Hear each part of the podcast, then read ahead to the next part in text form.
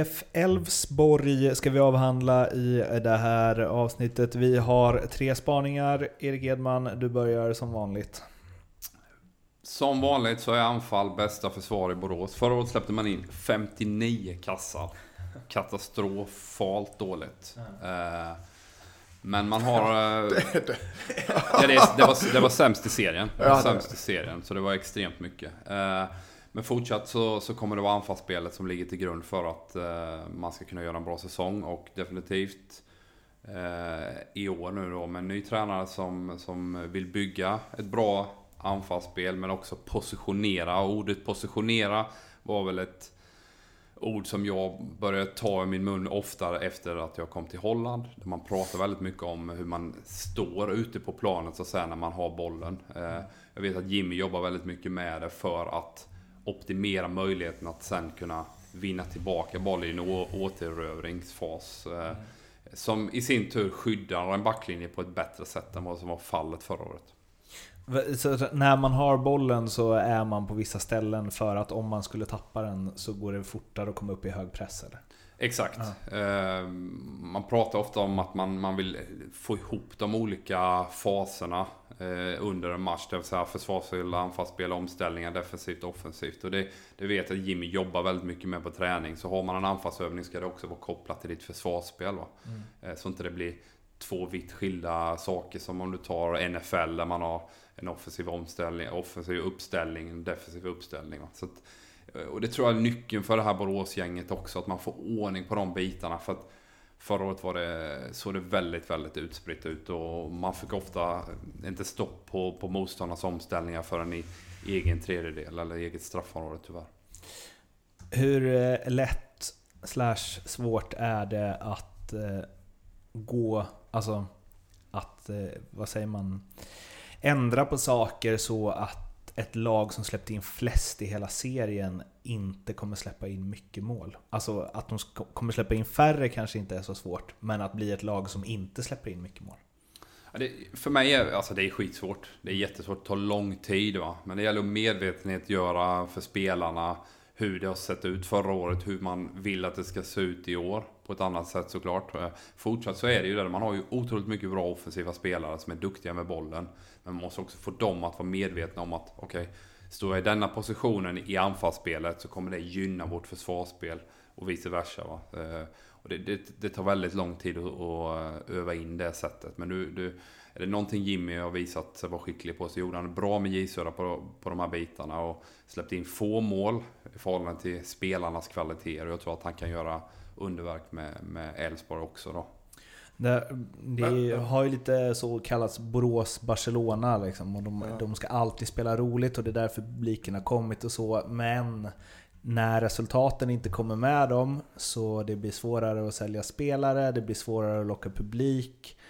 Och det spelar inte så stor roll att man är lite underhållande på hemmaplan om man ändå ligger där runt åttonde platsen. Vad, eh, eller du har ju en spaning liksom kring liksom så här, deras identitet idag. Mm. Elfsborg har, Boråsarna har varit bortskämda med Elfsborg länge. Till, kontinuerligt Europaspel. Eh, höga placeringar i Allsvenskan med tanke på stadens storlek. Eh, spelare som eh, landslagsspelare med Anders och spelare som kommer som det är talanger och så vidare. Eh, så de har haft väldigt, varit väldigt bortskämda där. Men jag tror den här utopi om att de ska, ett lag som Elfsborg ska spela underhållande, vinna matcherna eh, och samtidigt. Det fungerar i vissa matcher, men när du har lag som Malmö och Djurgården och AIK som har helt andra resurser, när de börjar rycka därifrån så måste du välja väg. Ska vi vara ett mittellag och spela ticka-tack, eller ticka-tack, jo jag tar säga ticka Ska vi spela underhållande och vinna med 4-3 hemma och sen åka upp till Jönköping och förlora med 2-0, eller ska vi vinna med 1-0 borta mot Jönköping och kanske vinna med 2-0 hemma mot Sundsvall? Ja, det får man ställa sig. Jag tror Thelin är rätt man att, att, att ta det här. Eh, man kan såklart spela fin fotboll och vinna också. Men boråsarna har varit bortskämda och jag, dels för att nu har varit mittellag ett tag och det ligger och släpar lite. De har inte kraft att hänga på anfallet, eller eh, toppen i år heller. Publiken, de är ju lite bortskämda, de är lite griniga där. Vad händer med dem? Sponsorerna har Elfsborg, de har, har, höga löner, de har bra spelare. Har de råd med att ligga så högt i, i ekonomiskt med den med en mittenplacering? Det är frågan. Men de, Mattias, de måste spela bra fotboll. För det, det sitter i klubbväggarna. Och de måste vinna fotbollsmatcher. Ja, och, och du vet själv hur svårt det är. Ja, det är jättesvårt. Jag säger inte att, att liksom, men att komma med det här snacket om cynisk fotboll och nu måste vi gå tillbaka till grunderna för man, det är för jävla enkelt att sitta och säga och, Mm. och, och väldigt svårt att göra för att det ska bli en hållbar produkt över tid. Så att Borås Det det de och. Elfsborg måste spela bra fotboll och de måste vinna. Men och det- det är det- det jag menar att grunden med den här typen av offensiv arsenal Mm. så måste man spela bra fotboll och man också ha ett bättre kontringsskydd som jag är inne på. Så att Jag, jag, tycker det, jag, tycker, jag tycker det låter sunt och jag... Det finns inget, Jag gillar- men det, jag det jag är inne på Mattias, det, det finns inget val. Man, har liksom inte, man kan inte försvara med den här typen av spelare och kontra. Utan du måste spela anfallsfotboll. Det var inte det jag det sa jag definitivt. Men har de Det lät 59 så, det insläppta mål, det är ju för fan en parodi Erik. Ja, men det är det med det enda vägen ur det, det är att anfalla ännu mer och anfalla på ett bättre sätt och på bättre positionera sig. Inte att bygga upp någon jävla bussparkering där bak och, och bara kontra. Det finns... Men skillnaden där var ju, skillnaden där var ju att när, alltså Lennartsson gjorde ju lite det. Och då slutade det ju med guld.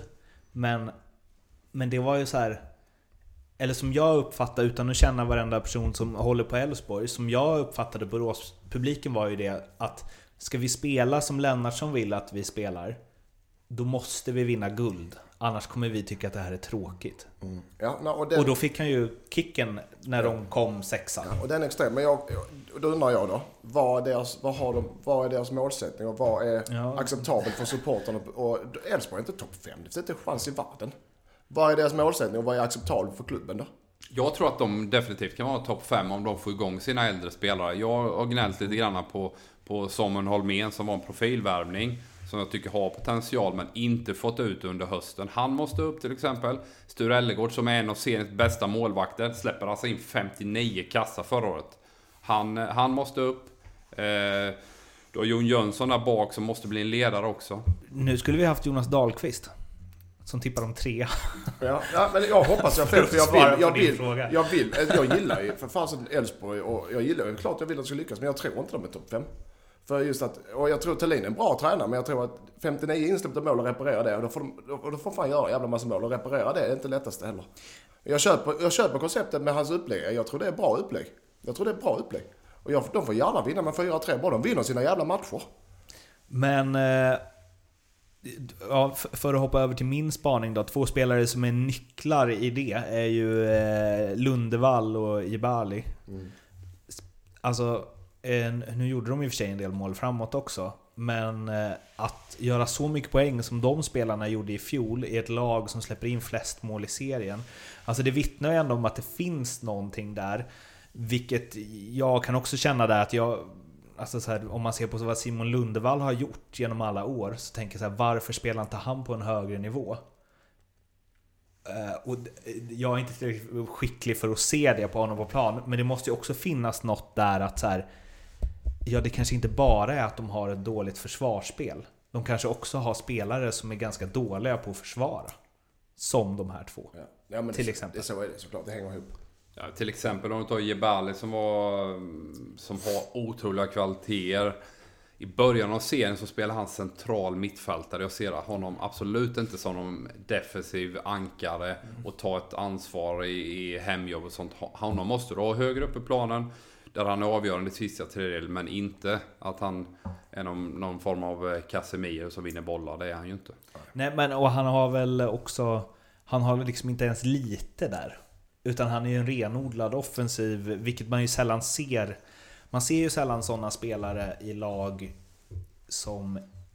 Eller sådana spelare brukar ju mest få utrymme i lag som är överlägset bra. Cristiano Ronaldo behöver inte jobba hem. För att Real har ju bollen hela tiden, till exempel. Alltså Ja, medan ja. här, här blir det ju att när motståndarna har bollen, när Malmö kommer till Borås och möter, då gör ju Jebal ingen nytta överhuvudtaget. Nej, och definitivt inte som innermittfältare. Nej, nej Så precis. det, det, det håller jag med Men sen har du, du säger ju Ja, Lundevall. jag, jag, måste Ja. bara, jag måste bara säga det, för jag har två grejer där som jag känner det här är viktigt att få med. Emir Bayrami, eh, och det här har jag säkert sagt förut, men när han kom fram i Elfsborg så tänkte jag att han skulle bli övre halvan i någon av topp tre-ligorna. i ett lag på övre halvan i någon av topp tre ligorna. Jag tyckte att han var så otroligt bra. Och jag har liksom hoppats hela tiden att han någonstans ska så här komma dit igen. Nu... Eh, jag vet inte. Om, det, om han inte liksom höjer sig från... Eh, alltså om han är lika bra... Om han är på samma nivå i år som han har varit sedan han kom tillbaka till Elfsborg. Då är ju han... Då är ju inte han en spelare som platsar i ett lag som Elfsborg.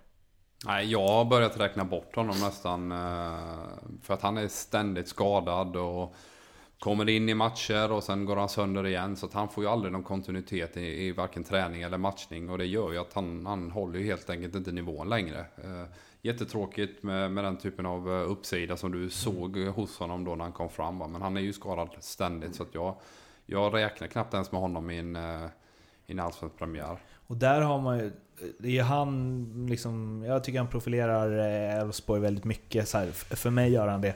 Ishizaki är en annan som gör det, även om han har haft eh, lång tid i Gnaget också. Han vänder ju hem nu. Tyckte att han var bra i fjol i eh, AIK. Men där är det ju, alltså om vi sa så här, hur vi skulle pratat om Nisse om han hade spelat. Här är det ju verkligen så. Mm. Att det är inte alls säkert att Stefan Ishizaki är en bärande allsvensk spelare i år ju. Jag hoppas, jag hoppas ju det. Eh, frågan är hur hungrig han är. Det är det det handlar om. Eh, AIK med den pressen där. Han har i och för sig en eh, press på sig att komma hem som ledare han ska vara.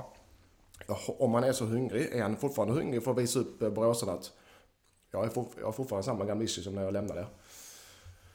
Det är det enda det handlar om. För kvalitet har han. Men har han den, har han den mentala styrkan och, och vara hungrig 30 matcher och, och åka buss upp till Östersund kanske och spela där. Eh, jag hoppas det, jag vet inte. Du kanske har mer...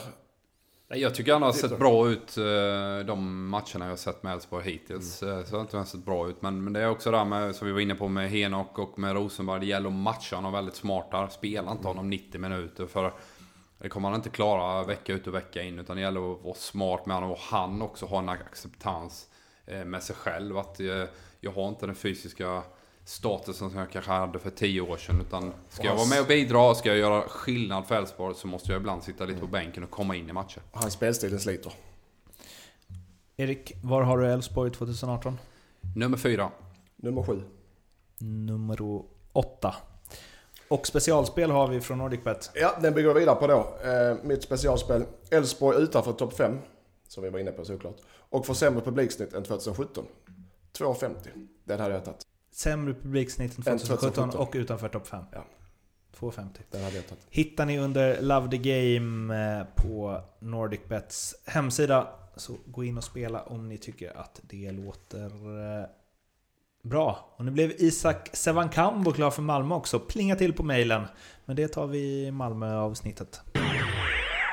Tja, Mårten här igen. Om ni vill lyssna på övriga lagavsnitt så hittar ni dem förstås på Acast och iTunes som ni eh, alltid gör. Så där har ni alltså alla de här cirka 12 minuters avsnitten med eh, genomgångar av lagen inför allsvenska starten. Ni får jättegärna också gå in på vår Facebook, Ljugarbänken, och likea och delge oss eh, era åsikter kring lagen inför Allsvenskan drar igång den 1 april. Twitter finns vi också på, det vet ni. Likea, prenumerera, sharea, allt sånt där så blir vi superglada. Ha det fint! Ciao!